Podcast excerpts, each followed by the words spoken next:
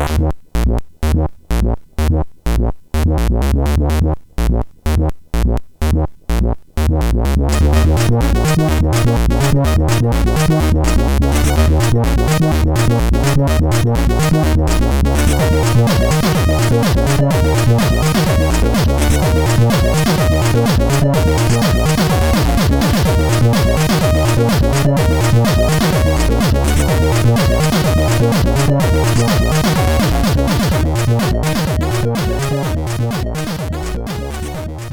Sziasztok, ez itt a Checkpoint 5. évadának 23. adása már. Szia, Laci! Szia, Gabi! Meg hívtalak már Lacinak? Remélem, nem. Egyszerre, amikor reppeltem neked. Több, többször nem. Fájdalmas sebeket tépsz fel minden mondatoddal. Nem tudom most miért itt tettem. Minden esetre vendégünket is köszöntöm. Szia, Jani! Hát igen, végül is lehet. Jani, Sziasztok! Kis Tamás János, akinek a neve ismerős lehet mondjuk a Vakondok négyből, de igazából elég sok játék stáblistájából, hiszen uh, te mióta? Most már 28 éve programozol? Hát most már lassan igen, tehát 92 óta mindenképp, de azért már előtte is volt. Igen, igen, tehát hogy már, már majd, majdnem 30 éve. Hát mondhatjuk, hogy, mondjuk, hogy 30 hát, éve. Ilyen, ilyen igen, indexes újságírós túlzása 30 éve játékprogramozó vagy, és ennyire hardcore programozó szerintem még nem is volt az adásunkban, mert mindig vagy grafikus hívtunk, vagy zenészt, vagy ilyen bizniszembert, vagy ilyen mindenest, ugye? Uh-huh. Ilyen igazi becsületes kóder még nem volt. Igen. Mert hát az, az mégis, az egy kóda videójáték, nem csak a rízi rajzi, meg a plim plim. Azért, hogy ez a, most mindenkinek a lelkébe belegázolt aki nálunk valahol megfordul, de... Ez visszautás volt a Buttinger Gergős adásra. Ott, Aha. ott plim plimeztem. Tehát nem most voltam bunkó, hanem akkor is, meg most is. is. Végül is igen. Na, na de, viselkedjek már jól. Szóval János azért hívtuk, mert, mert hát ez egy nagyon szép életpálya, ami így a Moby Games-ből kirajzolódik, és mint így kiderült, így beszélgettünk a felvétel előtt, az még nem is egy teljes lista. Hát igen, vannak kisebb hozzáadott játékok még ezen kívül is. És hát hoztál egy csomó gyári dobozos játékot, amiken te dolgoztál. Igen, igen. Hát manapság ugye már ilyet egyre kevésbé lát az ember főleg, hogy szerencsére ezek megmaradtak még azokból az időkből, amikor hát egy kicsit jobban odafigyeltek mindenfélére. Hát a digitális korszak ezeket nem tudom mennyi időn belül fogja eltörölni. Sajnos szerintem egy idő után elfogja. Hmm, pedig nagyon szépek, egy, most egy Reunion borítót nézek éppen, ahol egy mesztelen ember kitör egy logóból.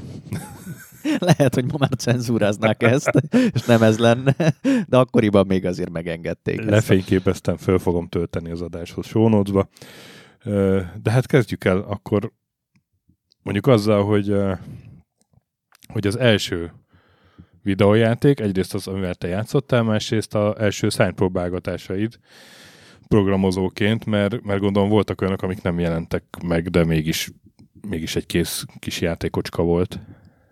Igen. Hát tulajdonképpen a legelső számítógép az ugye a C64 volt, amivel kapcsolatba kerültem. Ugye ez, hát ez ilyen 87-89-re datálódik. Ugye sokáig kokomlistás volt, akkor nem is lehetett. És rendszerváltás előtti időkben édesapám a VRF nevű állami cégnél dolgozott, ugye vegy és robbanóipari felügyelet, hát pontosan azt csinálták, ami a nevükbe is volt. És hát miután ott is voltak állami pénzek, amiket hát fejlesztésre vagy beszerzésre fordíthattak, ugye őket amikor már ugye lehetett, akkor természetesen Commodore 64-eseket vettek oda be a cégnek. Hát akkor ez nagyon drága volt, ugye otthonra szinte nem is tudom, hogy volt olyan, akinek volt ilyenje. Viszont mivel, hogy használták ezeket a gépeket, ugye hétközben, hétvégén haza lehetett hozni. És akkor egyszer csak édesapám megjelent egy valamelyik hétvégén, hogy na, itt egy új számítógép, és itt van hozzá valamennyi játékprogram. Ugye szerencsére már Honna, lemezes volt. Honnan volt játékprogramja az édesapám? Na ez érdekes volt, hát alapul nem lehetett volna nekik, de hát nyilván ott ők másolgatták azért ilyen kalózba ugyanúgy, tehát hogy jó, itt vannak a nem tudom én mondjuk könyvelő szoftver, amilyen, vagy bármilyen szoftver, amit hivatalosan ott futtathattak, de azért itt van az asztal alatt egy pár doboz Szerintem játékprogram. A Varez játékokkal teli kazetták így, így spontán megjelentek minden eladott vagy beszerzett Commodore 64 mellett. Az biztos, hogy ez, ez standard hozzájárt akkor. És azt hiszem, hogy igen, ez pont egy lemezes, már lemezettséges Commodore volt, és na hát rögtön akkor hazahozta azonnal be a játékprogramot, és az első ez a Aztec Challenge játékprogram volt, amit hát ezt szerűen szerintem rojtosra játszottuk. Hát nyilván Egy rendes ugye, ember. Úgyhogy nagyon primitív dolog ma már, de nem tudom, hát azzal, azzal óriási időket eltököltünk napokat, tényleg, tehát egész hétvégeken, ahogy pénteken hazahozta, onnantól ez apa, ide, jó, itt van gyerekek, bum, be a nagy tévé elé, és vasárnapi ki se lehetett minket mozdítani. Az így van, és akkor mindig meghaltunk, és de egyébként nagyon nagy csalódás volt, mert elég nehéz volt, hogy amikor na végre, nem is tudom, volt három-négy képernyő, újra kezdődött, és gyorsabb Igen. volt. És akkor hát gondoltuk, hogy ezt is végigjátszuk, de aztán már nem álltunk neki. Hét, hét, hét volt, azt hiszem, hét pálya volt. Ennyire azért már nem, de az elsőt azt megcsináltuk, még azzal szenvedtünk. Hát utána Impossible Mission volt talán még a Loco, amíg ilyen C64-es játékok, ezekkel mind akkoriban játszottunk. Szerintem ez volt az első ilyen. És amiket csináltál? Ö, tulajdonképpen... És, és mennyi idő volt, amíg elkezdett csinálni? Ö, na igen, tehát C64-en elkezdtem ö, egy nagyon minimálisat programozni, tulajdonképpen az, a gépnek az alapjait, hogy hát Basic, meg stb. ilyenekkel, de akkoriban ö, még annyira nem érdekelt a dolog. Tehát inkább egy kicsit megnézegettem, hát jó, lehet egy-két dolgot csinálni, de úgy, úgy félretettem. És később, amikor e, ugye a 8 bites korszak kifutott, és elindult a 16 bites korszak, és megláttam az Amigát, na akkor viszont meg teljes gőzzel rákattant az ember erre, és igazából én már Amigán programoztam, célt van, gyorsan el is adtam, azt hiszem, hogy utána, miután volt nekem egy 128-ason volt, miután ugye már elérhető volt, megvettük, talán fél évig se volt meg, és ahogy megjelent az Amiga, akkor abban például jó, akkor a C64 az lapát, Amiga be, és akkor onnantól kezdve viszont az Amigán mindent, amit lehetett. Tökéletes felhasználó volt a Commodore cégnek. Igen, ez egy ilyen meleg váltás volt, gyors váltás volt. Úgyhogy ez, ez gépről gépre ment. Hát azért a kettő között óriási különbség volt. Mind látványilag, mind működésileg, ugye. Tehát... De gondolom a programozás is bonyolultabb volt akkor, é... nem? Az nem zavart, hogy vagy nem is bonyolultabb, csak én... Más volt a programozás, tehát azért a programozás Amigára azért ez egy kemény történet volt. Sokkal, hát ugye Basicbe hát nyilván könnyebben lehetett programozni, Amigában meg hát ott nem volt más, ott assembly volt. Ugye az egész Reunion is assemblybe készült teljes egészében. Úgyhogy, de azért az egy nagy kihívásnak is felfogható volt, hogy mindig ott meg kellett tanulni a dolgokat. Nem volt semmi olyan, amit valaki szájba rágott volna, hogy na ezt így kell csinálni. Tehát ott mindent nekünk kellett megcsinálni és fölfedezni, és ez egy nagyon nagy élmény volt. Könyvek se voltak, meg újság, vagy? Na, a könyvekkel érdekesen. Hát az elején ugye nem, elején semmi nem volt, és utána Bécsben megjelentek ezek a Data Becker könyvek. Azt hiszem, hogy valaki ezt lefordította, de hát nyilván itthon az elérhetetlen volt, viszont fénymásolók nagyon jól működtek akkoriban, és valaki le is fénymásolta. És akkor rögtön szólt, szóltuk az ismerősnek, hogy na akkor nekünk is másolj egyet, és nem tudom, fénymásolt lapokból több százat odadott. Na ezekből már valamit ki lehetett silabizálni, viszonylag egész tűrhető dolgokat hardware regisztereket, hogy működik, hang miért felelős, de még mindig nagyon sok kutató munka kellett azért bele, hogy ebből megfelelő dolgokat létrehozzunk. Amikor többes számot mondasz, akkor ez a tesód, akivel mondtad, hogy a C64 is játszottatok, vagy? I- igen, a C64-en még a tesómmal játszottunk, de ő tehát abszolút nem érdekelte a programozást, tehát ilyen szinten abban ki is esett ebből a történetből. Viszont ugyanakkor már a Amnestinek a megalakulásakor a többieket meg szintén érdekelte, és akkor ők kell álltunk így össze. Na most az is egy érdekes dolog volt, hogy honnan indult ki ez az amigás történet. Ugye, az, aki nem tudna, az Amnesty Design volt az, amelyik a Reunion csinálta, és ebből nőtte ki magát a, ebből a cégből a Digital Reality, ami még aztán az Imperium Galactica, meg még sokáig sok mindent. Igen, igen, igen. Tehát tulajdonképpen ez mondhatnánk úgy, hogy, hogy ilyen, hát ilyen előidő, vagy nem tudom én, hogy mi, elő cég, hát cég nem volt ez valójában cég, hát, kis csapat. Digital Reality. Igen, Reality, talán ennek mondhatnánk. Ugye az egész az talán ilyen klub okokból indult ki. Ugye a Csokonai klub az ebben eléggé nagy szerepet játszott, de volt egy másik klub is, amiről kevesebben tudnak. Ez a BKV klub volt. A kőbányai? Nem. Ez konkrétan a neve az, hogy BKV klub, hát mi úgy neveztük. Az egész úgy indult, hogy nem is tudom, jöttem valahol ki a ősvezértén a metróból, és ugye ott van az a nagy szép BKV zöld épület. Aztán hét emeletes, ha jól emlékszem. Igen. És valahol ki volt egy kis cetlin írva, hogy számítógépes klub üzemel a hetedike. De csak olyan kis sajtcetli ott valahogy, ahogy a busz megállóba mentem el. Hát mondom, egyszer nézzük már meg, hogy mi ez a számítógépes klub. Hát ugye, jó, fölmentem, bementem, és ott egy kis klub volt, nem volt sok ember, egy 20-30 körül, C64-ek ültek, illetve ott láttam először Amigát is. És ott valahogy rögtön egy úgymond klubvezetővel beszéltem, és mondta, hogy hát igen, ezt most nyitották, valahogy megállapodtak itt a BKV-val, hogy, hogy itt lehet, pont a hetediken volt egy ilyen kis aula-szerű részben, ez a konkrétan a BKV irodájában? Ez konkrétan a BKV épületében a hetediken volt. Ott nem használt irodák lehettek szerintem akkoriban, és akkor ott mondták, hogy jó, hát akkor itt egy klub tevékenységet folytatnak. Szerintem ez ma nehezebb lenne megszervezni, nem? A... Szerintem valamelyik uh, BKV és középvezető nem tudom, elvált szülő volt, aki egyedül nevelte a gyerekét, vagy ilyesmi, és hogy szemelet legyen a gyerek, fiam, csinálok itt egy klubot, legyetek itt a haverjaiddal. Másoljatok bármennyit, nem számít.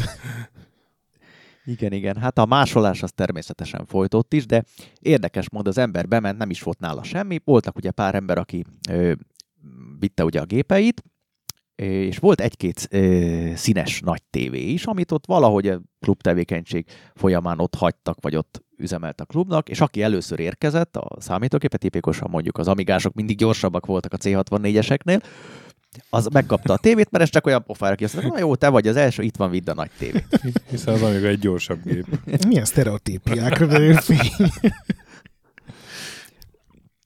És ott láttam először az Amigát, bementünk, és valaki ott, nem is tudom, berakott talán egy Shadow of the Beast demót, és akkor úristen, elkezdett vele játszani, ott nyúlkálnak ki a kezek ugye a földből, fantasztikus 32 színű sprite-okat a C64-hez képest, tehát ez egy ilyen mámor volt, és az ott ment, és minden egybe, és ott azt azonnal nekünk ez és akkor kell. ott alkonyult be a kis C128 És akkor ott, igen, a C128 az körülbelül, hogy hazamentem, be is került a dobozba, már másnap a hirdetésekkel ragasztottam a busz megállókat, hogy olcsó áron eladó, ár alatt, minden, amit vigyék, és el is vitték szerintem egy héten belül, meg volt a pénz, ugye akkor a Novotrade-be már lehetett kapni a Amiga 500-as, kicsit kipótoltuk, és akkor irány is rögtön az első 500-as meg is vettük azzal a lendülettel egy pár héten belül. Na de azon már nem volt olyan egyszerű programozni, nem? Hát akkor még ugye az ember az elején nem is programozott annyit. Uh-huh. Ugye nyilván ugye játékokat megnézegette, stb. És utána ebből a klub tevékenységből nőtte ki magát ugye az Amnesty Design is. Ez a BKV klub azt hiszem, hogy egy fél évig üzemelt, és utána onnan el kellett jönni, és a Bosnyák térre lett átköltöztetve, ott szintén van egy művelődési ház, uh-huh. lehet, hogy még ma is megvan. Bosnyák tér mellett, ott a, nem tudom már a címét, oda lett átköltözve, és egy sokkal nagyobb hely volt ez a művelődési ház. Ez a BKV az egy kis-kis hely volt, egy kis szoba, tehát hogy a 30 emberé nem fér többel szerintem ott, de lehet, hogy még annyira sem.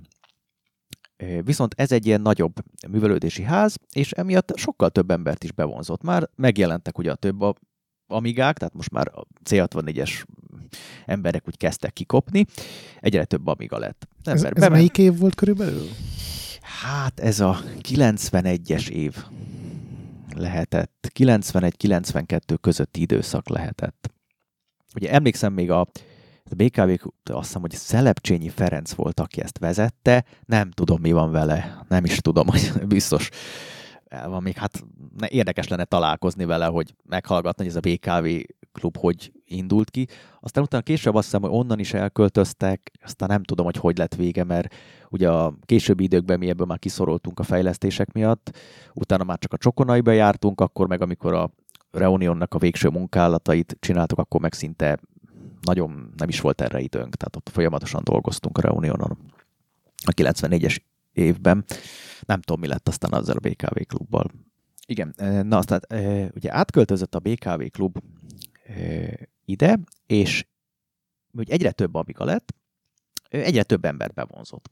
És ott ismerkedt, tehát ott, ott alapult meg tulajdonképpen az egész Amnesty Design, ismerkedtem meg az összes emberekkel, ugye a Fodor Tamás, a grafikus, szintén eljött, ott hogy gyerekek, rajzoltam valamit, tegyétek már be ezt. És akkor olyan nézem, hogy tehát, tehát milyen jókat rajzoltál itt, hát nézd, milyen jó grafikát. Valahol láttam itt egy emberi arcot, vagy ugye egy ilyen figurát, szintén a Kreiner Tamás meg ugye zenét csinált, és akkor valahogy így felmerült az ötlet, hogy na mi lenne, ha csinálnánk egy demót. Ugye akkoriban mindenki ilyen demózással foglalkozott, adták ki sorba az Amiga Fenomena, a Mega Demo, Giga Demo, mindenféle egyéb ilyeneket. És mondtuk, hogy hát jó, hát engem érdekelt a programozás, már akkor elkezdtem nézegetni, hogy hogy megy ez, na próbáljunk meg egy demót összerakni. Egy kicsit el is kezdtük, de igazából úgy, úgy mindenki azt mondta, hogy jó, jó, hát a demok nagyon jók, tényleg látványosak, el lehet menni, el lehet venni demópartikra, de úgy nagyon tovább nem lehet ebből a történettel lépni. Tehát jó, meg tudod mutogatni, hogy erre vagyok képes, és körülbelül úgy itt, itt vége is van. Én nagy demópartikon nem hiszem, hogy fog, nyernél valamit, de hát kint meg ugye nem, nem tudtunk kijutni, lehetetlen volt, itthon meg nem volt ilyen. És valaki bedobta az ötletet, tehát mi lenne, ha csinálnánk egy játékprogramot demo helyett, és hát, jó, hát akkor csináljuk egy játékprogramot. Nem lehet az olyan nehéz. Nem, nem, hát az olyan egyszerű dolog az ember. Leül egy kis grafika, egy kis egyéb, és pikpak meg is van. É, és akkor mondtuk, hogy jó, de hát ugye a PC is akkor kezdett valamennyire erősödni, de hát azért még nem annyira. De hát azért akkor kéne PC-n is, hogy azért más platformon is úgymond legyen, bár akkor még nem volt ennyire szétválasztva, és akkor nem is tudom, valaki mondta az ismerős, hogy hát van egy ismerős, és amit az egyetemen ő PC-n programozik, ugye ez volt a kis istván, hát szóljunk neki, hát ha ő is elvállalja. És akkor ő is lejött a klubba, ő PC-sként, neki ugye nem volt amigája, de mondta, hogy hát persze szívesen segít, betársul ebbe a történetbe, és akkor így állt össze az eredeti Amnesty Design. Meg is volt az ötlet, hogy nagyjából egy ilyen űrstratégiai játékot szeretnénk csinálni. Ez hogy, hogy, hogy, hogy beszéltétek meg, vagy ez valaki azt mondta, hogy csináljunk egy ilyet, és mindenki azt mondta, hogy jó? É, nem, ennek még az volt az előzménye, hogy ugye hát mindig új, hetente új játékokat hoztunk be, mutogattunk a másnak, hogy te nézd, milyen jó játékkal játszottam, és valahogy elő kapartuk a Deuteros nevű játékot. És az elég hát játékban nem volt olyan nagyon jó, de látványosnak viszont látványos volt, űrhajók ott mentek, és oh, nézd, milyen jó kis felhasználói interfésze van, hát ez, ez, ez egy milyen jó kis játék, és olyan szép grafikai stílusból volt. Ugye volt annak egy előzménye, a Millennium 2.2, de az nem volt ennyire szép grafikával megoldva, az inkább egy ilyen kis fajta űrstratégia volt. Ezt mind a kettőt ismertük, de a Deuteroson nagyon elcsodálkoztunk, hogy hát ez nagyon szép egyben van ez a program az akkori viszonyokhoz képest. És mondtak, hogy mi lenne, ha valami ilyesmit csinálnánk így grafikailag, stb. És jó, hát az űrstratégiai játékokban van nyilván jövő, mert hát abban nagyon sokféle ötletet bele lehet tolni, jó, akkor legyen ez. Ez itt ez egy jó évtizedre eldőlt a magyar játékfejlesztés sorsa ezzel a, az űrstratégiákban van jövő mondattal. Igen, de utána közben rákerestem, 91-es Activision játék. Igen, az egy, és, és ahhoz képest nagyon látványos Aha, is volt. Tehát voltak benne, erre, igen tudom hi- hiperűrugrás, akkor lehetett látni az űrhajót, föl lehetett szerelni, és akkor ilyen oldalról becsúsztak, hogy mit a motort raksz rá, akkor ott szerelték, akkor klikcsered a motort, kihugrik, beugrik. De ez csak ilyen, ilyen, ilyen vizuális ilyen vizuális, igen, de, viszont... de igazából egy ilyen egy ilyen nem, tehát majd, hogy nem Supremacy-szerű. Ilyen Supremacy-szerű, igen, a supremacy is láttuk, ilyen kicsit ilyen menedzser program, de ugye e, ez volt az alapötlet, amiből kiindult, igen, a Supremacy uh-huh. is, tehát ez a Millennium, 2-2, Deuteros, uh-huh. Supremacy, uh-huh. ezeknek így az egyvelege, hogy akkor valahogyan ebbe az irányba mozogjunk. És akkor azt 91-ben elkezdtétek fejleszteni, ugye? I- igen. Ugye a ö, történet az onnan indult, hogy ö, kéne valami minimális demo verzió, amire azért már fogékonyak lehetnek külföldi kiadók. Ugye, első perctől kezdve ez volt a terv, hogy külföldi kiadó is? Igen, mert Magyarországon nem nagyon volt, aki ezzel foglalkozott volna. Tehát és ugye a demo helyett azt mondtuk, hogy hát csináljunk egy ilyen játék demót, mondjuk úgy, és a gurusokkal álltunk akkoriban kapcsolatban, igen, a Turcsán Tamásnak mutogattuk ezt a demót, ő mondta, hogy hát akkor megpróbál majd beszélni ott emberekkel. És akkor így került át a Fehér Gáborhoz az egész ügy, és ők el mondta, hogy hát szívesen kiviszi a demót, ugye mennek kifele, és azt hiszem, hogy bár ebben nem vagyok biztos, hogy e, éppen akkor az ECTS-re mentek ki, ugye az akkor egy ilyen kiállítás uh-huh, volt, uh-huh. és mondták, hogy szívesen akkor magával vissza ezt a demót, elkezdi mutogatni. Hát persze ez egy elég primitív, ahhoz képest demo volt, tulajdonképpen meg volt csinálva a főképernyő, meg volt csinálva a kutatás fejlesztés, ahogy ilyen kis CD-kkel lehetett elindítani, és nagyjából ugye ennyit is tudott ez a demo, minimális kis dolgok voltak benne. És ezt kivitte, és ugye a Grand rögtön is érdeklődött is rá, hogy őt érdekli ez az űr stratégia vonal, és ezek kapcsán alakult ki ez az első szerződés. És akkor neki kellett állnatok céget alapítani, meg, é... meg ügyvédet keresni, meg minden ilyen... Tulajdonképpen ezt a Fehér Gábor elintézte, ugye, hogy ezt ügyvédi, megkötötték a szerződést, tehát tulajdonképpen ő ezt intézte nekünk, ezzel nem kellett foglalkozni, uh-huh. mint így. Az ő ezt elvállalt, hogy elintézi ennek a menedzsment.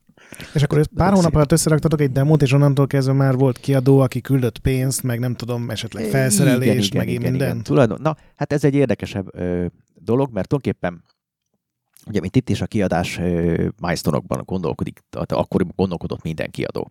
Tehát meg volt adva, hogy oké, okay, a projektre mennyit szán, meg van adva a fejlesztési idő, a másfél év, két év előirányzottan, és az első adag milestone az tulajdonképpen a szerződés aláírásakor volt, és egy kicsit nagyobb adag pénz is volt, pont amiatt, mert hogy ezekből valószínűleg úgyis hardware fejlesztésre meg ilyenekre kell majd költeni a fejlesztés, és tényleg ez is történt, tehát az első adag pénz az szinte cakkumpak elment arra, hogy azonnal, jó, ugye megjelent a Amiga 1002-es, hát akkor azonnal kell, Winchester-t kellett hozzá benned azelőtt, ugye memóriakártyákon, meg floppy lemezeken, meg ilyeneken mm. fejlesztettük ezt, még ezt a demót az 500-ashoz, és ez szinte teljes egészében a hardware fejlesztés fölemészet. Ugye a PC oldalon új gépet kellett venni, 486-os mm. már, tehát az, az, az így történt, de utána ez, ez nagyon-nagyon gyorsan beindult. És akkor továbbra is ilyen négyen öten voltatok, vagy? É, igen, igen, igen. Ugye volt egy-két bedolgozós ö, ember közben, de ők aztán ki is estek. De ezt főállásban csináltátok? Na most tulajdonképpen ebben az időszakban ö, mi nagy részt tanultunk. Na ezért kérdezem, igen. Tehát olyan nem, szintű nem állásunk nem, nem volt, ugye na, szinte mindenki otthon lakott a szülőknél, tehát ilyen probléma nem volt. Tanultunk iskola után. Puff, gyerünk, amennyit tudtunk, megcsináltuk eleinte otthon. Ő, hát a nyári szünetben, meg amikor később volt, akkor meg ugye teljes mértékben az időt rááldoztuk. És erre. akkor ezért tartott három évig a fejlesztés, mert ugye 94-ben jelent meg a játék.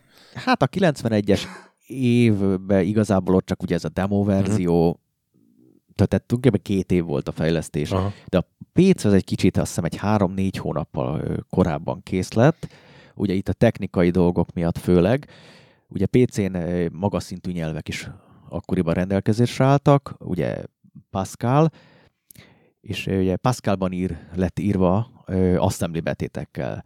Ugye ez bizonyos szinten sokkal jobb, gyorsabb felgyorsította a fejlesztést a PC-s oldalon az Istvánnak, mi viszont az Amigás oldalon teljes mértékben assembly-re hagyatkoztunk. Mm. Hát azért oda implementálni pár dolgot az sokkal időigényesebb volt. Ezt a képet, ezt, ezt felrakhatom az adás mellé, amit kül, most így átküldtél nekem a, az akkori... Hát felrakhatod, ha többiek nem fognak. az akkori fejlesztő csapat. szerintem mert, nyugodtan felrakhatod. Ez, ezek a pulóverek, ezek a sportcipők, én így ránézek a képre, és megszólal a New Kids on the Block bármelyik hát száma. ez, igen, ez egy, ez egy nagyon régi. Ez egy kecskeméti emlék. Az idről ugyanilyen ruhás fotók vannak igen, egyébként igen, ebből igen. a korszakból. És milyen hangulatba telt a fejlesztés? Tehát így végig lelkesek voltatok, vagy egy idő után már ilyen úristen be kell fejezni kétségbe? Tehát a fejlesztés szerintem nagyon jó hangulatba telt, tehát nem is nagyon tudok. A legvége volt egy kicsit talán, hmm, hogy is mondjam, negatív hangulatba vett, negatív hangulatot vett, de az sem maga a csapat miatt, hanem egy külső tényező miatt, még pedig a nyelvi verzióknak a megoldása körül volt egy kis bonyodalom, mert az eredeti szerződés az, az angol verzióra szólt. És kész, ott vége volt. Meg volt adva mennyi pénz, ugye, angol verzió megcsináltuk, 94-ben kész lett. De ugye jöttek azzal, hogy hú, hát kellenének lokalizált verziók is. Jó, rendben van. Ugye ez akkoriban azt tartalmazta, hogy a szövegeket el, ők elküldik nekünk, teljesen lefordítva. Ugye azt hiszem, hogy négy vagy öt, tehát hogy kellett német, francia, spanyol, olasz, meg talán norvég vagy portugál, vagy valamilyen ilyen nyelvre, ők teljesen a szövegeket elküldik nekünk, azzal nem kell foglalkozni. Illetve ugye voltak angol beszédhangok, amikor egy Nikor ezt mondja, hogy tudom, kutatási képernyő, meg ilyenek, ezeket is lefordították, elküldték nekünk. De ugye a nyelvi verziót az teljesen nekünk kell megcsinálni, ki kell cserélni a forráskódban. Ugye ezeket tényleg teljesen forráskódban szinten kellett kicserélni ezeket a szövegeket. És akkor jó, hát meg lett állapodva velük, hogy akkor erre még valamennyi plusz pénzt fizetnek.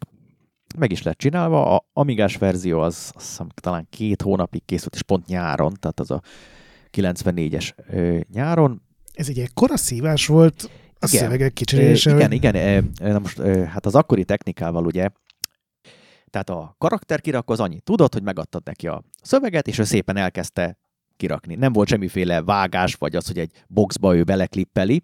Ha a szöveg hosszabb volt, akkor egész egyszerűen rálogott a következő mhm. képernyőre, vagy a sprite-ra, vagy bármi, ami ott volt. Tehát azt minden egyes mondatot, amikor kicseréltél, akkor ugye a programot lefordítottad, elindítottad, elmentél oda, vagy mikor egy játékálásról betöltötted, hogyha pont egy olyan részt kellett tesztelni, és megnézted egész egyszerűen, hogy, hogy az a szöveg ott jó környezetben van. És ezt mondatonként megcsinálni, vagy akár öt mondatonként. Tehát a, amit küldtem egyébként forráskód, annak a végén ott van is rengeteg ilyen szöveg, ilyen blokkokban van, hát ott meg lehet nézni, ott, ott rengeteg ilyen szöveg van, magyarázó szövegek. Igen, küldtél nekünk egy linket, amin egy valami ismeretlen föltöltött az internetre a Reunion forráskódját. Igen. Ha valaki kérdezi. Na és akkor hogy, hogy emlékszel vissza a játék megjelenésére, meg milyen, milyen érzés volt neked? Mi, mi, tehát, hogy óriási szívás volt egy, egyik-másik része, azt tudjuk, de... A játék megjelenés egyébként alapvetően ö, nagy öröm volt, hogy végre ott lehetünk, és az, amit x évvel ezelőtt kitűztünk magunknak, az a célt, hogy igen, csináljunk egy játékprogramot, az megvalósult. Tehát, hogy megjelent ugye Amerikában, és ez egy, ez egy teljesen nagyon pozitív élmény. Voltak ilyen olyan kritikák esetleg, amiket nem viseltetek könnyen, vagy vagy inkább tetszett mindenkinek, tehát így nem nagyon... Nagyrészt egyébként nem voltak olyan, olyan nagy negatív mhm. kritikák. Uh-huh. Volt egy-két kisebb kritika, de mindenki elismerően nyilatkozott a játékról, hogy végül is látszik, hogy azért a beletett munka az, az ott volt, történet sem volt unalmas annyira, tehát az akkori időknek teljes mértékben megfelelt. Uh-huh. És a kiadó végig korrekt volt egyébként, mert ebből az időszakból nagyon sok ilyen horror story van. Igen, na pont e- ezzel a nyelvi verzió kapcsán ja, volt igen. ez az utolsó dolog, hogy ugye be lett rakva ez a nyár, és egészen pontosan emlékszem, hogy 1500, azt hiszem, hogy 1500 font volt ennek a nyelvi verziónak a plusz összege. És be lett rakva, el lett küldve nekik az összes verzió, és akkor utána vártuk, hogy na, akkor majd jön a pénz, és jön a pénz, és nem jött a pénz. És akkor hát akkor most mi történt? Hát miért nem jött a pénz? És akkor ugye elkezd lett a Fehér Gábor is ennek utána menni, és ugye sajnos az derült ki, hogy volt egy menedzser a Rendstemnél, aki intézte ezt a nyelvi verzióknak a dolgait, és ebben valahol megállapodtak, hogy jó, akkor ezért a nyelvi verzióért ugye ennyit fizetnek, viszont az a menedzser addig már nem dolgozott ott. És amikor az lett, hogy akkor na hát akkor fizessétek ki, akkor így hogy a főnök erről nem tudott. Mert a menedzser elfelejtette tájékoztatni. És nem is lett lepapírozva meg sem. Hát, hogy az le lett papírozva, és az elveszett, vagy hogy azzal mi történt, ilyen, ilyen részleteket nem tudok, de azt mondta a főnök, hogy hát ő erről nem tudott, hogy itt a plusz nyelvi verziókért fizetni kell. Ő azt hitte, hogy a, abba benne van az eredeti összegben, csak késünk vele, stb., és ő nem fizet egy vasat sem.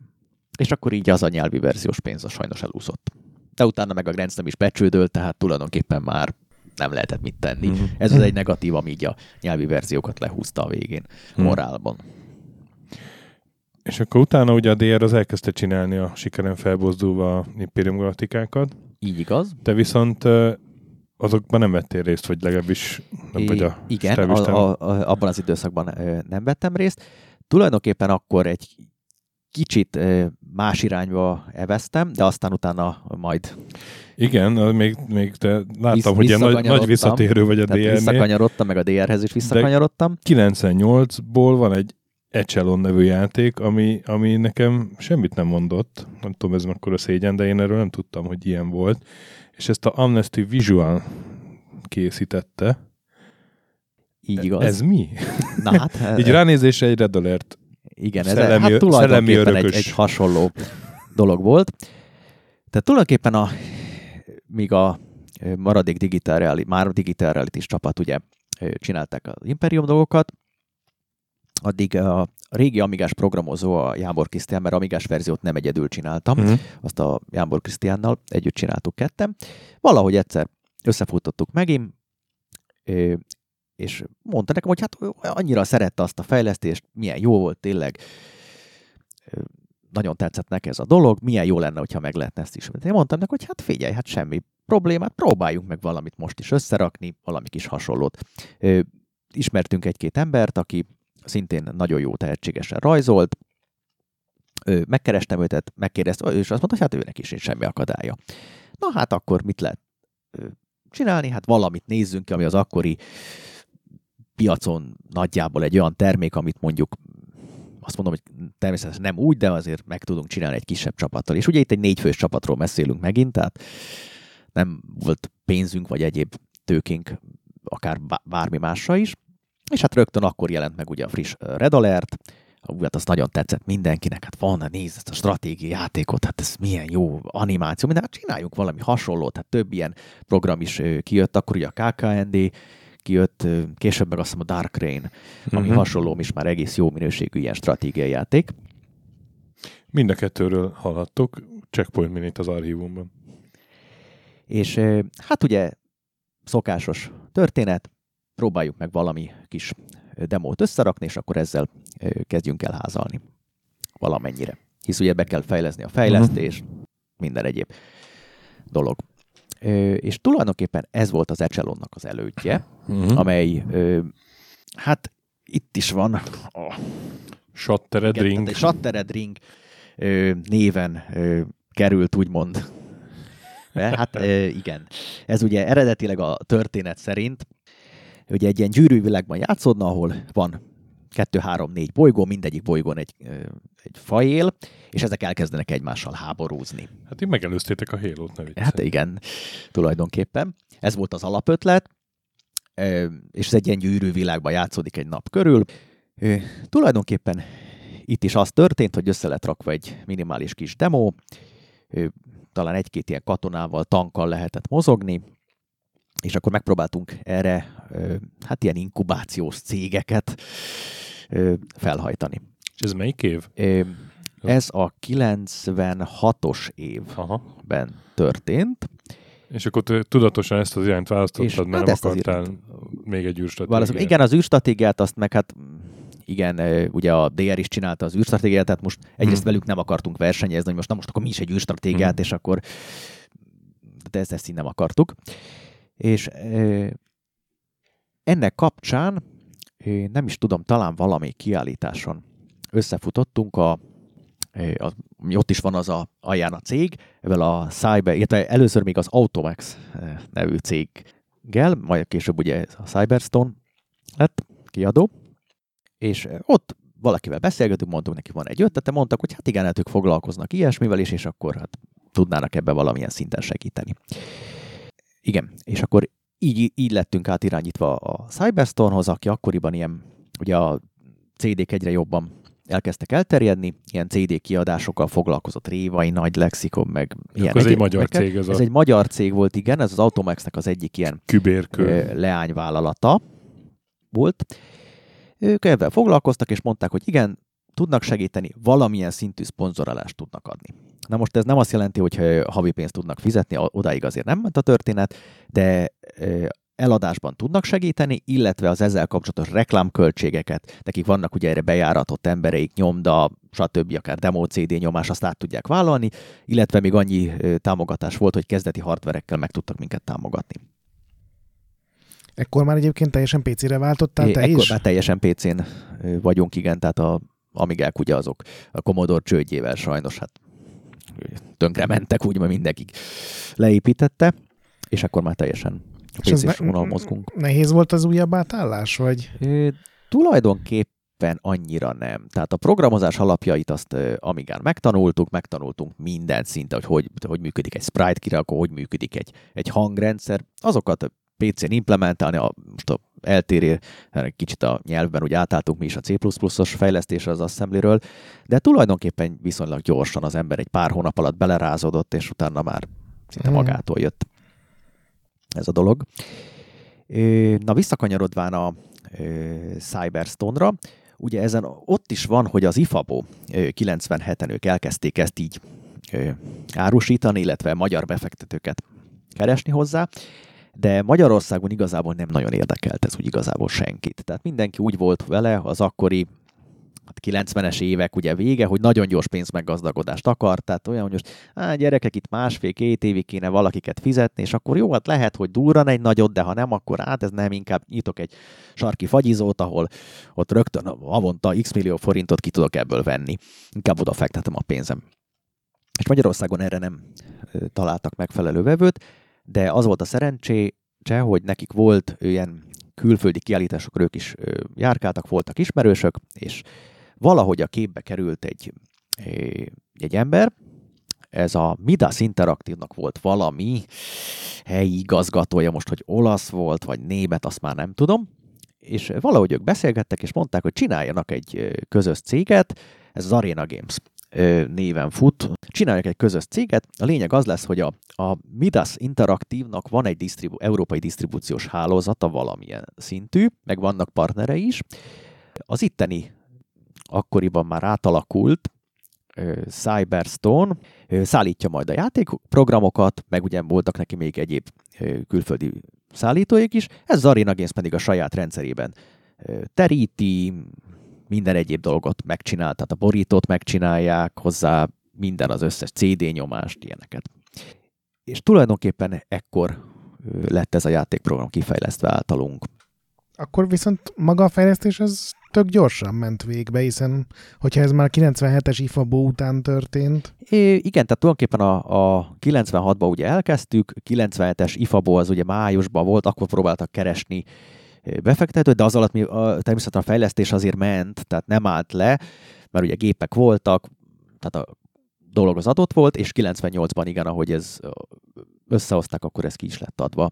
Hát egy egy-másfél éves, hogy így vesszük ugye a uh-huh. fejlesztés. Egyébként a kritikák megosztók voltak, volt, aki azt mondta, hogy nem volt annyira jó, volt, aki azt mondta, hogy egész jó ahhoz képest, de hát nyilván négyen csináltuk egy másfél évig, benne voltak a fajok, stb. De egyébként különösen anyagi sikert ez sem hozott, tehát és a fejlesztési pénz visszajött, de körülbelül ennyi. És akkor meglepő kanyarral neked a következő játékod, a Veki Races, ami, amit az Appalooza csinált, ami ugye a Novotrade-nek a, a utód cége, vagy, ez a, vagy, vagy a privatizált Novotrade, vagy nem tudom, hogy mondjam. Novotrade menti. A Novotrade közeli. Közel. De hát ugyanazok az emberek dolgoztak egy, egyszer csak egyik nap az Appalúzán, akik korábban a Novotrade játékfejlesztői voltak. Ugye? Szerintem az Appalooza, bár semmiféle tényszerű bizonyítékom nincsen, a Novotrade egyik stúdiója volt, és aztán Na, az echo ők csinálták, magát. és az igen, igen, magát, igen. és ugye az, azt a nevet viselték utána, mert hogy az nagyon jó hangzik, mm-hmm. szerintem. Szóval, hogy kerültél te oda? Milyen játék volt ez a Veki Races. És Nekem van egy tippem erre egyébként, hogy ilyen egy kis bol- kajla versenyjáték. és, és milyen volt a, a két, 2000-ben az Appaluzánál dolgozni, mert akkor az már ugye azért lefelé szállóág volt. Nem, hát akkor még a Dreamcast-es Echo előtt ja, vagyunk, tényleg, tehát tényleg, szerintem az jó, még az utolsó okay, jó okay. év volt. Akkor valószínűleg igen. Akkor viszont miért hagytad ott? Igen. Ez, egy, ez a 17 ez kérdés a, most. Ez egy, ez egy öreg. Igen, e, igen. Tehát az egész e, Veki e, meg az Apolóza fejlesztés az úgy indult, hogy egész egyszerűen a PC-hez e, kerestek embereket. Nem tudom már, hogy ismerős vagy hirdetés, vagy kapcsán. A PC verzióhoz? Igen, a PC ah. verzióhoz. Na most ez, e, amikor én oda kerültem, akkor tulajdonképpen Dreamcast-re ez a Veki Races már majdnem kész volt.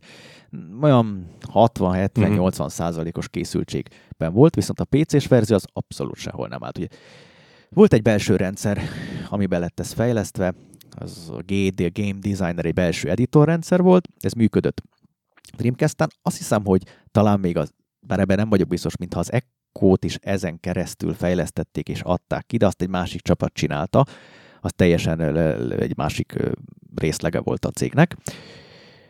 Ugye ez Városmajor utcában volt a cég irodájuk, fönn voltak a hatodikon, mi meg azt a másodikon voltunk. És ott volt ez az egész Veki csapat. Ők akkor már nem Dreamcast-re csinálták, hanem PlayStation 1-re, tehát a GD működött, és PlayStation 1-es futtató környezetet megcsinálták hozzá. És ehhez keresték a PC-s embereket, és egész egyszerűen vették fel az embereket. Én meg ugye akkor, igen, pont állást kerestem, oda mentem, elbeszéltünk, és akkor PC-s tapasztalatok kapcsán rögtön fel is vettek, egy pár másik programozó is jött akkoriban szintén, és akkor így összeállt a Veki PC csapat, ami ennek a portolását végezte PC-re. Mm. Hát a játék egy, mint ami a mutatja. Hát egy ilyen Mario ugye egy teljesen, nem? Vagy igen, kocsikkal kell menni, lehet versenyezni. Viszont a Warnernek a figurái, ugye van az a hülye rövög, rögő kutya, mi a neve? Cukorfalat? Mut, mut. Nem tudom magyarul. A magyar neve szerintem cukorfalat volt. Igen, ezeket lelicenszelték, abból lett, hogy ez mind felhasználó, és ennek a mintájára lett az egész program megcsinálva. Egyébként a fejlesztés szerintem nagyon jó volt ahhoz képest. Ugye kezdeti hardvereken dolgoztunk, tehát itt nem voltak semmilyen ilyen hardware gyorsításos, meg egyéb történetek, teljes mértékben kétdés felületek. A PC-nek sajnos a, a hátrányai azok előjöttek, hogy, rengeteg ö, akkoriban ö, kártyagyártó volt, ugye Matrox létezett, meg mindenféle egyéb ilyen ö, kártyák, és némelyiken nem is nagyon ment. Ugye a kiadó az Infogrames volt, és ők viszont nagyon szigorú tesztelést csináltak, arra emlékszem. Tehát olyan szinten, hogy ki lett adva nagy cégeknek, tesztelni a PC-s verziót, amiben egyszerű jött az, hogy na, mit ezen a gépen nem indult el, és akkor küldték a e-mailt róla, ott volt pontosan a gépnek a típusa, milyen RAM van benne, milyen videokártya, hogy indította, milyen nyelven fut a rajta a Windows, tehát tényleg nagyon pontosan mire kell klikkelni, hova kell nyomni ahhoz, hogy előjöjjön a hiba, és ezek alapján nagyon sok hibát egyébként megtaláltunk a programba, tehát nagyon profin csinálták amúgy ezt a tesztelést. De ilyenkor egyébként nektek be kellett szerezni egy ugyanolyan videókártyát, vagy ez van, volt valami emulátor, vagy ez hogy nem, működik? Tehát nagyrészt voltak olyan, voltak olyan esetek, amikor igen, egyszerűen azt mondtuk a rendszergazdának, hogy na figyelj, itt van ez a videókártya, soha nem hallottunk róla valami kis noném, emlékszem, próbálj egy ilyet szerezni. És akkor ő egész országba felkutatta a legutolsó, nem tudom, vidéki debreceni boltban, ott pont árultak egy ilyet megmaradt raktárkészlettől, lerohant, megvette, elhozta, beraktuk, és ú, tényleg nézd meg itt ezen a, a köd mondjuk nem jó, és akkor ezen ki lett javítva. Tehát volt ilyen eset is, de a legtöbbször amúgy a leírások alapján nagyjából azért már behatárolható volt a hiba, hogy hogy mi történt, hogy hú, hát akkor itt erre ráklikkelt az ikonra, kifagyott, na nézzük meg, akkor ú, tényleg ott el volt írva egy érték az kódsorba kijavított, na akkor most nem fagy, most akkor elküldtük, és akkor tényleg ezek a hibák le lettek zárva. Tehát nagy részt azért sok hibát ki lehetett javítani. És te, te állásírdetése kerültél ide, vagy? Én azt hiszem, hogy igen. Aha. Hogy igen, hogy egy állásírdetés kapcsán kerültem oda. Hát egy kicsit már ködös ezek az emlékek. Aha. És akkor ezután viszont visszamentél a Digital Reality-hez. A ez, ez, ez gondolom nem álláshirdetés útján. nem, ne, nem álláshirdetés útján, ez már ismerősök, de egy pillanatra még az apple ja, igen, A cég tulajdonképpen ugye kiadta a Vekit, voltak még másik projektjei, de ugye az Echo is finiselt, úgymond, és nem voltak olyan projektek, amik megfelelően pénzt hoztak volna a cégben, és emiatt csökkenteni kellett a létszámot. Oh. Több körben is. Uh-huh. Először a régebbi embereket, grafikusokat elkezdték szépen leépíteni. Hát ugye nyilván ugye az azt ugye könnyen, mint egy programozott, mert talán programozott nehezebb volt akkoriban, talán grafikus, uh-huh. jó grafikust is azért. De utána aztán utána az egész céget nagyon minimalizálták, akkor uh-huh. elég sok embert elküldtek, nem is tudom, akik maradtak, még aztán egy fél évet maradtak, és utána teljesen be is zárt az appalóza, úgy tudom, finanszírozási problémák miatt. Igen, Digital Reality. Igen. Igen, ott, ott 2004-es játék igen, van 2002, tőled. 2000, igen, 2002 a Platon. Sőt, 2002 igen a igen, Platon. Tehát, igen. igen, na a Platon az úgy indult, hogy ugye a, közben a Digital ugye befejezte az imperiumos dolgokat, és ők is elkezdték bővíteni a csapatot, sikerült összehozniuk egy szerződést, ezt a Monte Cristo, talán Platon, meg kéne nézni, azt nem tudom pont a kiadóját, azt hiszem, hogy Monte Cristo talán. Platon, ugye? Igen, Monte Cristo, jó. És erre elkezdtek embereket keresni, nyilván ugye ők is szerették így az ismerősökön keresztül, és valahogy így szóba került, hogy hát pont akkor ugye a egyéb cégek megszűntek, nem tudom, a Fehér Gáborral beszéltem telefonon, tehát mondta, hogy igen, igen, van fölvétel, ugorjak be, valamikor beszéljük meg a dolgokat. Megbeszéltük, és akkor pillanatok alatt vissza is mentem ott. Ugye fölépítették ezt a Platon csapatot, és tulajdonképpen akkor e, erre a projekten elindult a, a munka. Így kerültem vissza akkoriban a, e, ebbe a DR-be. Igen, ez még Fehér Gábor vezetése alatt volt ugye a Röppentyű utcában, ott volt az iroda. Tulajdonképpen akkoriban a DR rendszerei egy kicsit kezdtek elavulni az előző játékoknak a, a rendszerei, és a Platonra elkezdtük kifejleszteni egy új ilyen úgymond engine-t, amelyben majd a jövőbeli játékokat lehet futtatni, fejleszteni, és ebben már részt vettem a Platon fejlesztése mellett is. Ez elsősorban egy GUI rendszert is tartalmazott, egy új GUI rendszert majd, aminek itt már meglettek csinálva az alapja, és a későbbi játékokban szintén föl lettek használva. De igazából a Platon az aztán kifutott, utána ugye a igen, a hegemónia az, ami még akkor párhuzamosan a Platonnal együtt elindult a fejlesztése. Ugye azt hiszem, hogy két csapat volt.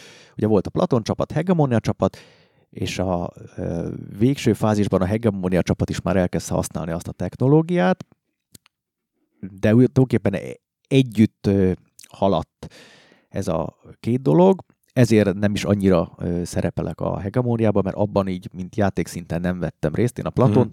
fejlesztettem meg ugye ezt az új új rendszert majd később. És akkor utána viszont, amiben ott a neved, a sivatagi patkányok az afrikai tetemek ellen. Desert Rats. Igen, igen, igen, igen. Hát ez ugye már a, Afrika a DR-nek a következő időszakát taglalja. Ugye a Fehér Gábor aztán ugye akkor ő átment egy másik céghez, igen. egy új ügyvezető váltás lesz. Vagy... Igen, a, jól emlékszem, akkor a Disneyhez ment már át, ugye ezek a projektek után. Ugye új ügyvezető került a díjának, és megindult egy újabb időszak. Ugye, ha jól emlékszem, akkor a kifejlesztett rendszereket, azt mind a D-Day, mind pedig ez a Desert Rats, csak a Corps használta. Aha. Itt főleg a GUI rendszer, amit nagyrészt én csináltam egyedül, az új GUI rendszer, meg új alaprendszerek is voltak az engine-ben, amiket már ezek a projektek használtak és így kerültem kapcsolatba azokkal a projektekkel, de ezeken így konkrétan projekt szinten nem dolgoztam. És akkor viszont van a Warfront igen. Turning Point igen. 2007-ből. Igen, igen, igen. Tehát az, az a projekt, amin aztán ugye talán még a Fehér Gábor idejében lett a szerződés aláírva, és akkor elindult a, a Warfrontnak a fejlesztése. Hát ez egy nagyon érdekes projekt, ugye a CD-vel indult, ha jól emlékszem, ő volt a producer kiadó, és ugye tulajdonképpen elég, hát a téma az ugye adott volt, stratégiáték, de nagyon sok új grafikai elemet, illetve szintén új rendszerelemet is tartalmazott, tehát ehhez is kellett editort fejleszteni, rendszerfejlesztések történtek az egész engine-en, hogy megfelelően menjen az adott korhoz már igazítva. Új hardverek jöttek, ugye, és igen, ebben részt vettünk, akkor át is költöztünk már a Genex irodaházba, hm, ez ugye, igen, az a Genexes idők volt. Ugye akkor a DR-nek több projektje is futott, több, több ilyen külföldi, uh-huh, hát nem mondom, hogy befektető, de több ilyen milestone pénzt kapott, és akkor nagyon föl lett bővítve a, a cég. Hát talán ez is okozta az akkori, nem tudom, hogy mondjam, hirtelen megborulását a történetnek. Ugye ott is ilyen kiadói oldali problémák voltak, ugye a kiadók egy ideig fizettek, aztán egy idő után már nem akartak annyira fizetni, de hát ugye az embereket meg kellett fizetni, és ez a kettő így elég nehezen összeegyeztethető a játékiparban. Igen, ilyen sztori is volt már, hogy nagy siker, óriásira nőtt a csapat, és ha bedől egy kiadó, akkor ott állsz gatya És ugye itt a CTV az pont, pont be is dölt a végére, akkor vett át a, tehát a Warfront legvégét azt már a Tentacle adta ki, azt hiszem, hogy átvették teljesen a CDV-től hmm. az utolsó időkben. A teljes kiadás. És ez ilyen nektek, mint programozó csapat, ez ilyen stresszes időszak vagy hozzátok? Ez nem nagyon jutott el akkoriban így, így élőben, hogy mi történik?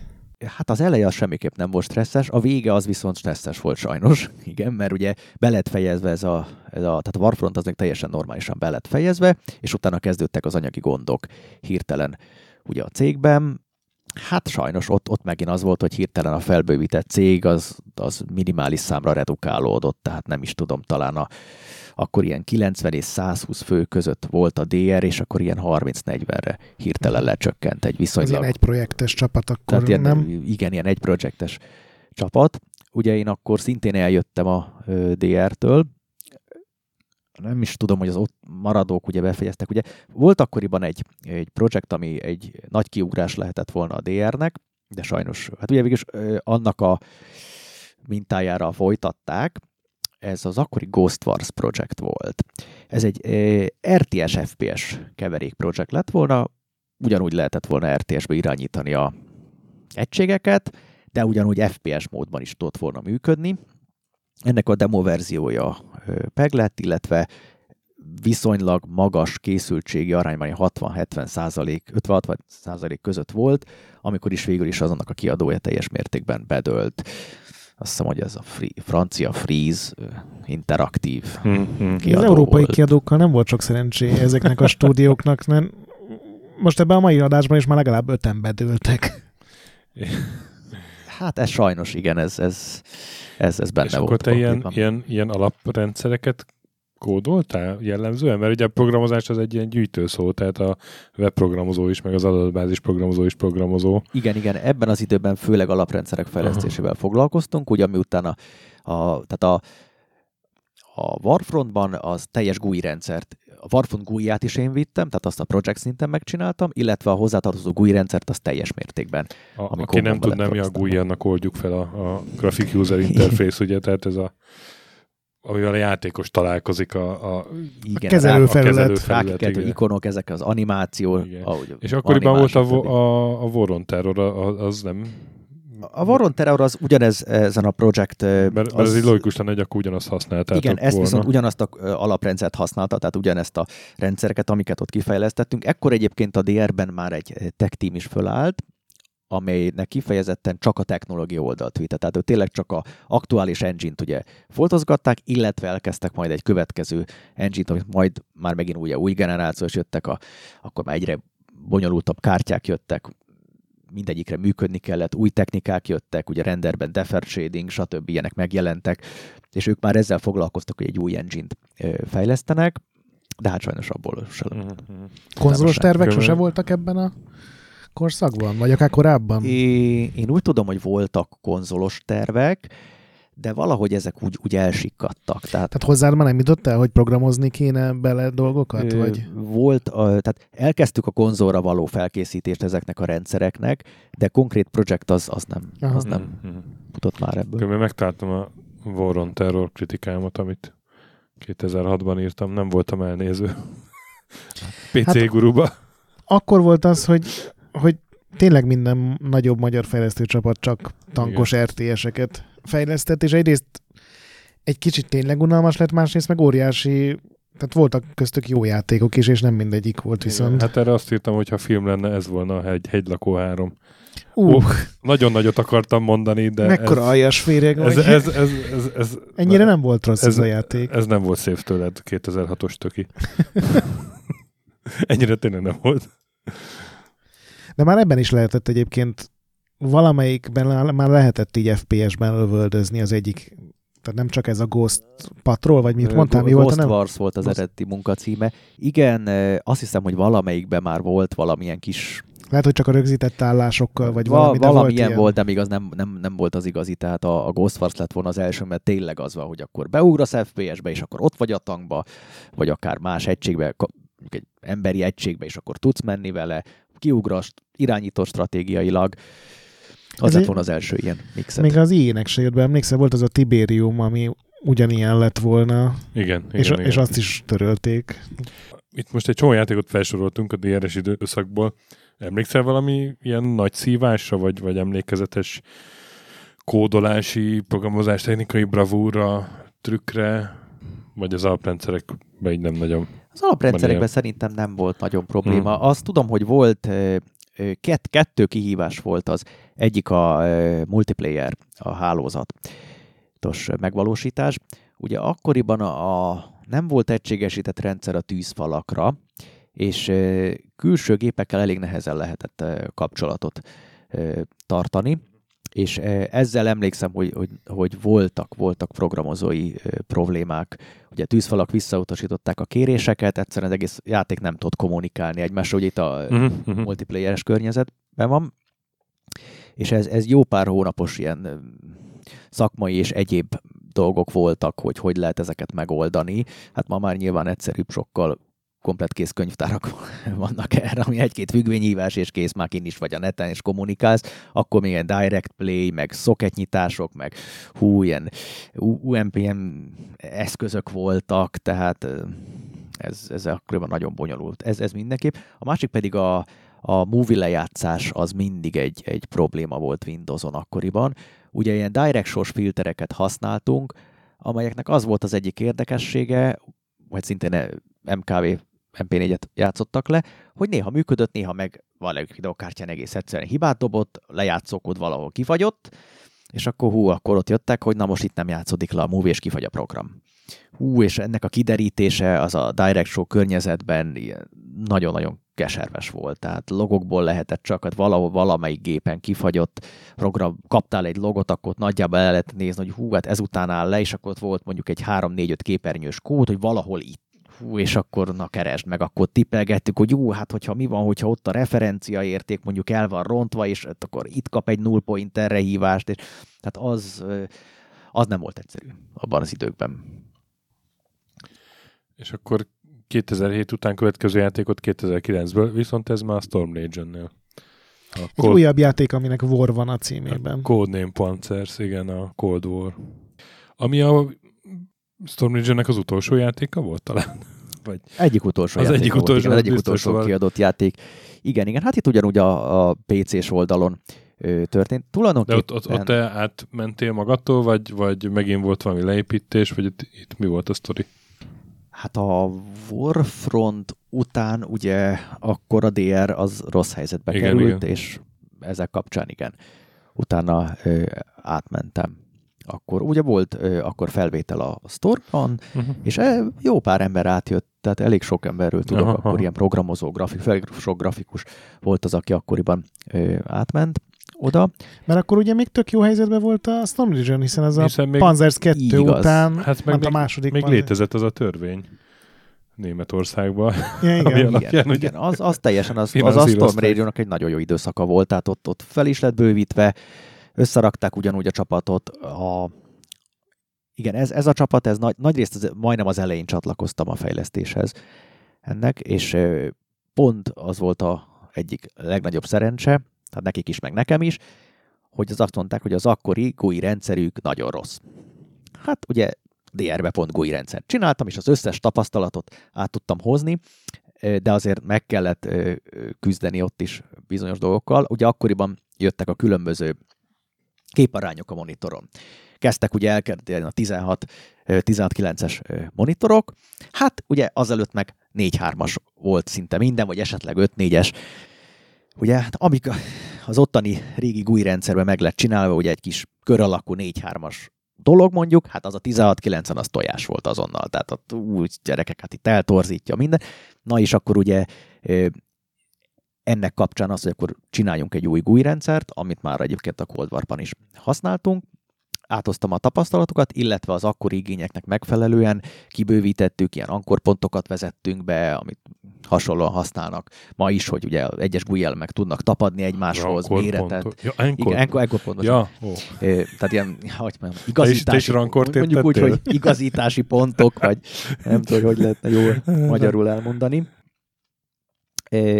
és ezzel kapcs ez, ez a GUI rendszer már ezt használja, ez a program, és így rengeteg, szinte majdnem az összes monitor típuson, tehát 16, 16, 9, 5, 4, mindenen tudtuk tesztelni, és ennek a kifejlesztése volt ott a Stormban a fő feladatom. És akkor ott te hogy élted meg a, azt az időszakot? Úgy, úgy gondolnám, hogy ott voltál, amikor kiderült, hogy ez a német törvény már nincs, és, és kivonult a befektető. Vagy a... Ott ugyanez a Tentacle, tentacle volt, ugye? Pontosan, igen. Igen, ott, ott pontosan ugyanez a Tentacle volt. Hát az egy, az egy rossz, az egy hirtelen egy, egy nagyon, nagyon durva időszak volt, amikor egyszerűen tényleg volt az, hogy akkor gyerekek, hát itt nincs fizetés. És akkor úgy, hát jó, úgy mondjuk, most akkor mikor lesz? Hát azt nem tudják megmondani. Hát jó, de hát most akkor mit csináljunk? Mondjuk annyi egyedül a előnye talán volt a dolognak, hogy volt valamennyit, tehát ugye két, két része volt. Akiknek nem volt semmilyen tartalékuk, azok e, egész egyszerűen azonnal szinte, ugye az, tehát a ügyvezető behívott mindenkit, megmondta, hogy ugye gyerekek tizedikéig kell ugye a fizetést a számláról utalni munkaszerződés szerint, mivel hogy ezt nem tudjuk teljesíteni, ezért 11-én, aki munkavállaló akarja, azonnal rendkívüli felmondással megszünteteti a munkaviszonyt, és mehet más állást keresni. Aki nem, az maradjon akkor itt, és akkor talán ugye lesz fizetés. Ugye hát a fél csapat az szinte azonnal felmondott, grafikusok, programozók, és akik ugye családos emberek voltak, azok ez nem volt opció. Én egy kicsit maradtam azt hiszem egy hónappal ö, tovább, meg még egy pár programozó, de igazából nem múlt már ott semmi, egy hónap múlva láttuk, hogy itt ez, ez már nem fog feléledni. Na és akkor utána te, téged visszahívtak a Digital reality vagy, vagy felhívtad őket, hogy srácok nem tudtok-e melót? É, tulajdonképpen mind a kettő is. Mert, mert akkor volt. nekik megint felfelé ívelt a igen, igen, igen. csillagok, hiszen jött a Dokler Gattyán úr.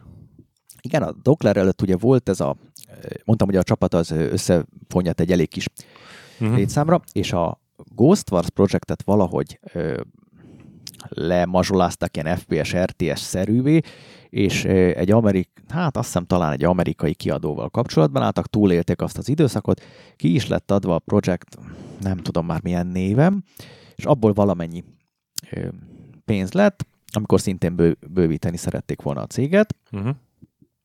Ekkor ö, kerültem hozzájuk vissza, újra szintén technológia oldalon, tehát technológiát kellett csinálni, szintén új render engine új rendszereket kellett az új projektekhez, és akkor történik meg az, hogy hirtelen ugye a, ö, beesik a képbe a gatyán.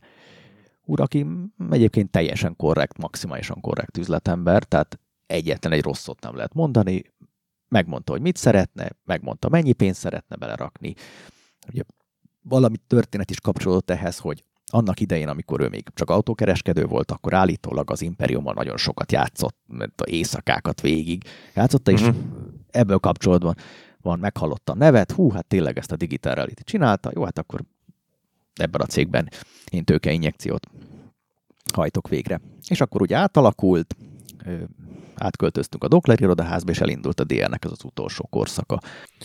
Én ott voltam egyszer ilyen stúdiólátogatáson, nem a nagy programokra, hanem volt a egy ilyen böngészőben játszható kis Jaj, stratégia. Na, Naridim, vagy Nadirim, valami Na, ilyesmi. Nadirim Ugye? volt, igen, és az egy, az egy nagyon jó irodának tűnt így, úgyhogy ott voltam másfél órát. Emmel, igen. Hát az egy vadi új építésű irodaház volt, tehát a technikai feltételek adottak voltak, tényleg minden meg volt a hardware, anyagi tőke meg volt, és elkezdődhetett egy ilyen, hát egy kicsit magasabb szintű programfejlesztés azért, azt esetleg tudod, hogy ott miért nem egy ilyen tényleg nagy, most nem azt mondom, hogy Imperium Galactica 3, de hogy ott azért főleg kisebb játékok jelentek meg. Lehet, hogy voltak terve nagyobbak, és azt nem tudom, de hogy sose volt egy ilyen tényleg, ugye az Imperium Galactica egy ilyen rendes sokórás tele videóval, fejlesztése, tehát egy ilyen óriási nagy játék volt, viszont a, az a DR korszak az inkább ilyen kisebb projektek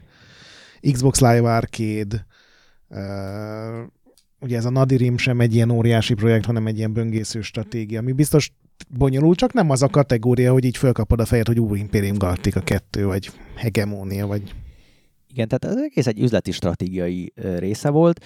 Ugye, ami talán hiba volt, bár ugye ennyi idő elteltével ki tudja, azt, hogy a DR nem csak a fejlesztésre koncentrált, hanem kiadó is lett egyben. És ezeket a kis projekteket egész egyszerűen nagyon sok mindent felkarolta, illetve az volt, hogy, hogy ne egy nagyobb projektbe vágjunk bele, hanem próbáljuk meg több kisebbet, mert ne ezek értem. akkoriban jövedelmezők. Tehát igazából ez egy, ez egy üzleti döntés volt. Ugye volt azért itt nagy projekt, tehát a Skydrift projekt azért kinőtte magát, illetve ugye majd a Cinemóra is, idővel, mert egyébként a Cinemóra tervezésleg sokkal kisebb projektnak lett tervezve, Amúgy a Nadirim is hozzá kell tennem, tehát eleinte az csak az volt, egy nagyon egyszerű kis fél év alatt megcsinálható böngészős játék, csak ugye amikor mindig oda került, hogy demozták esetleg a felső vezetésnek, akkor mindig mondták, hogy hát még kéne bele valami több. Jó, hát akkor legyen, legyen open world, akkor legyenek nagy térképek, akkor legyenek benne nem csak boss harcok is legyenek benne, meg ilyenek,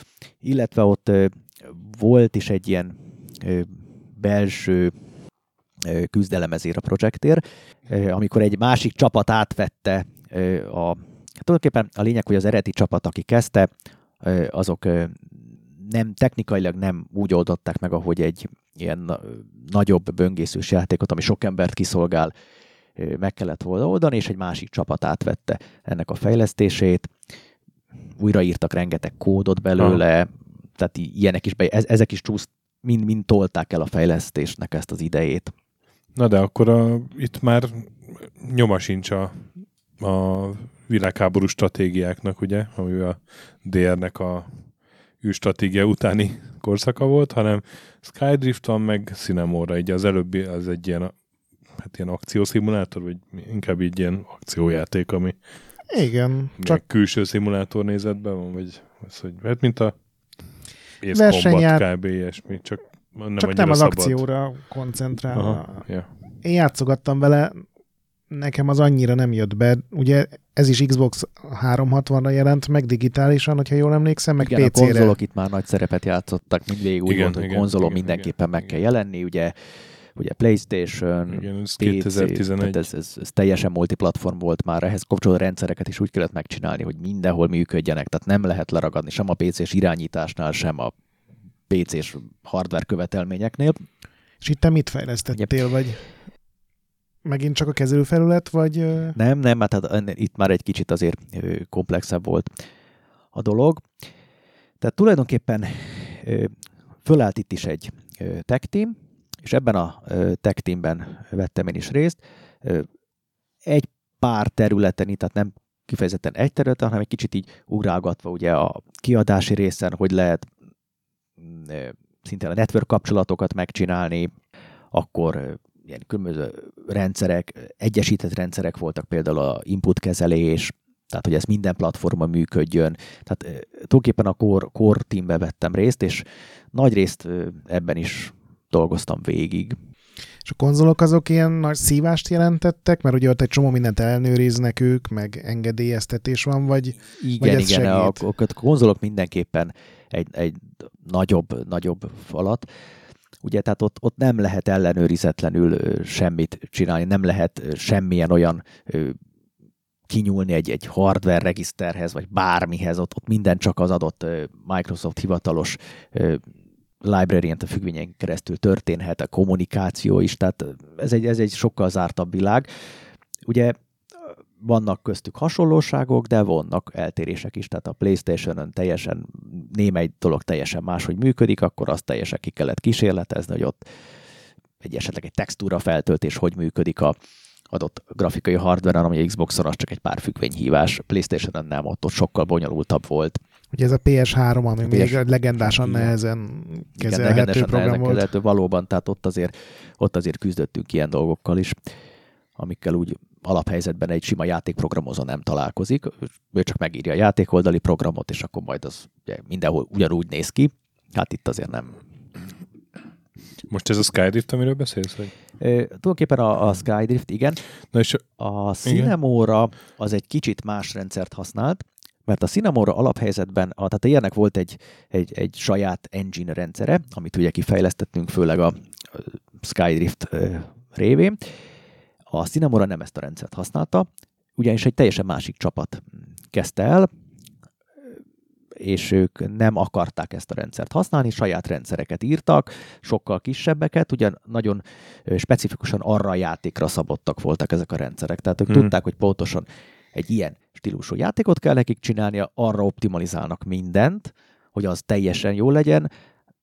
Olyan rendszerek, amik kicsit általánosabbak, amiket mi csináltunk a DR-nek a főrendszerébe, az, az őket nem érdekeli, és emiatt ők, ők le is váltak erről a dologról. Nagyon kevés közös kódot használtak. És ez a, ugye ez egy ilyen shoot'em up, ami Ilyen horizontális. Ilyen horizontális, amiben egy, így van egy, van egy ilyen jó kis játék az időben, hogy így be lehet lassítani, ugye, és Igen, hát az, azt, azt te csináltad bele? Nem, a, nem, ezeket ez... nem én csináltam. Ha. Gondolom ezek azok a speciális dolgok, amiket mondtál. Ezek, ezek, ezek voltak mindenképp a, a speciális ha. dolgok, amiket az ottani programozók csináltak. Hát főleg ilyen editoros, meg ilyen dolgokba segítettünk bele.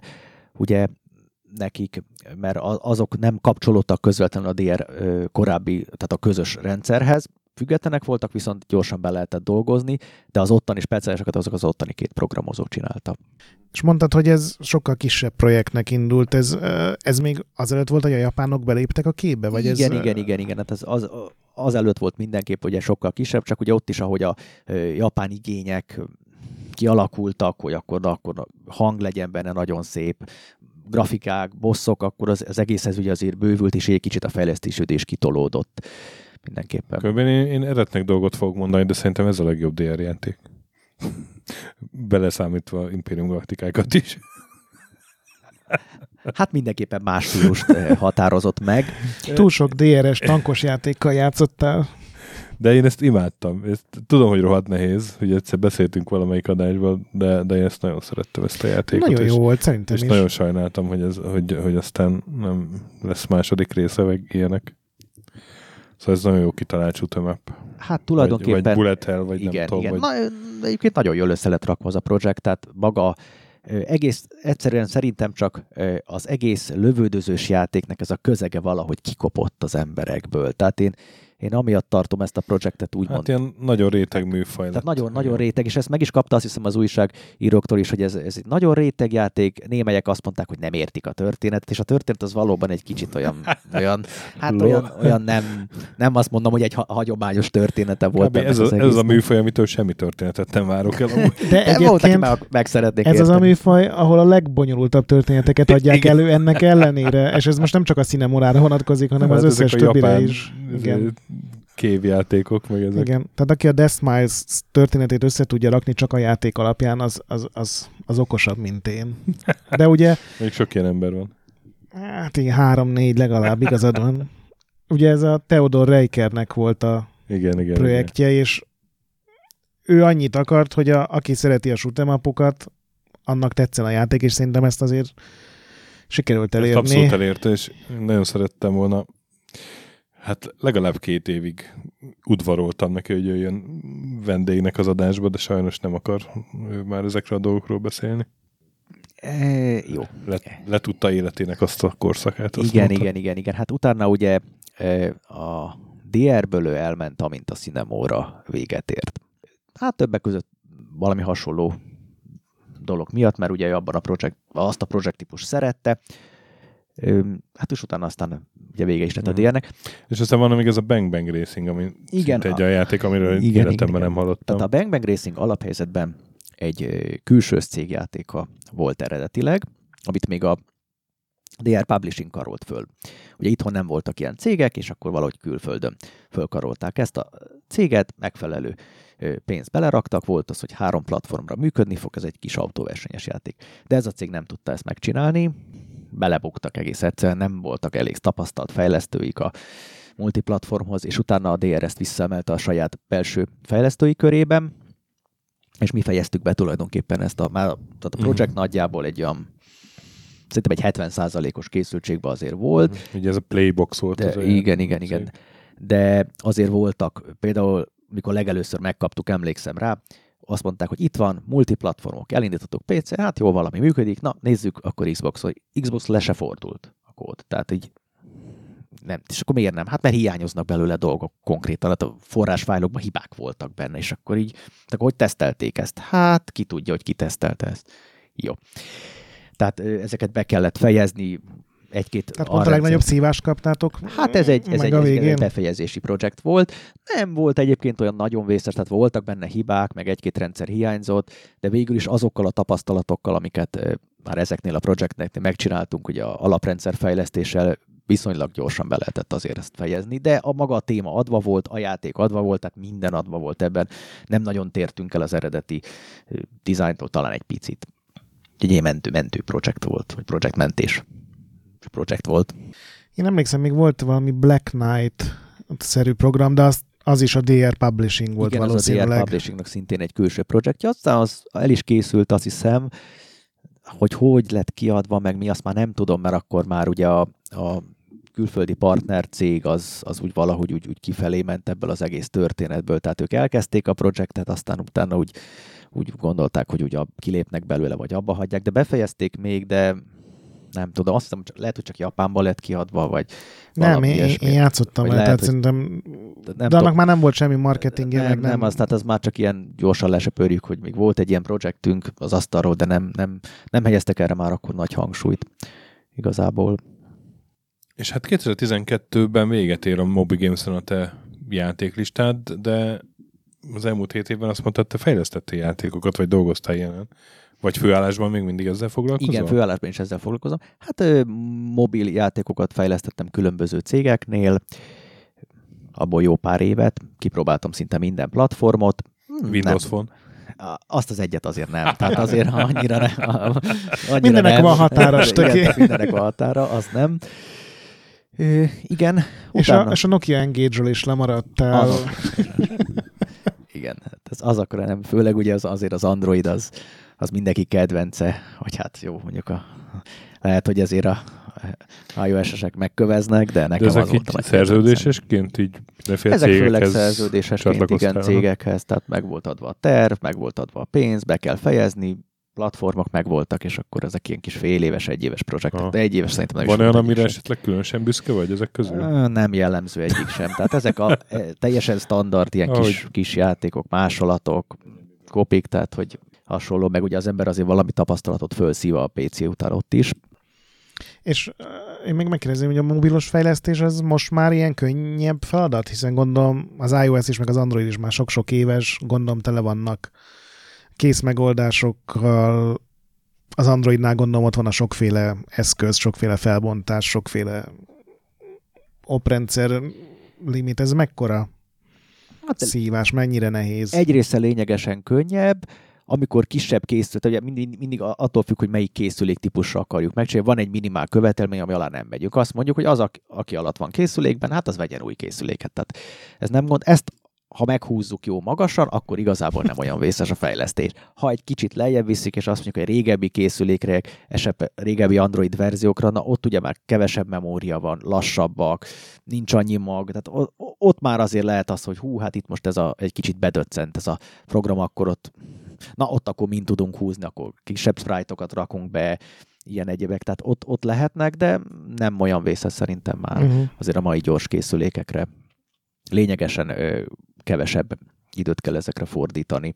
E- ezeknek a kompatibilitási problémákkal, mint régebben, tehát sokkal több idő volt régebben uh-huh. a kivadászása. Igazából melyik volt neked, ugye beszéltük, hogy indexesen 30 éves karriered, melyikre a le- volt a legkönnyebb fejleszteni? Mindig a legújabb, a, a legegyszerűbb?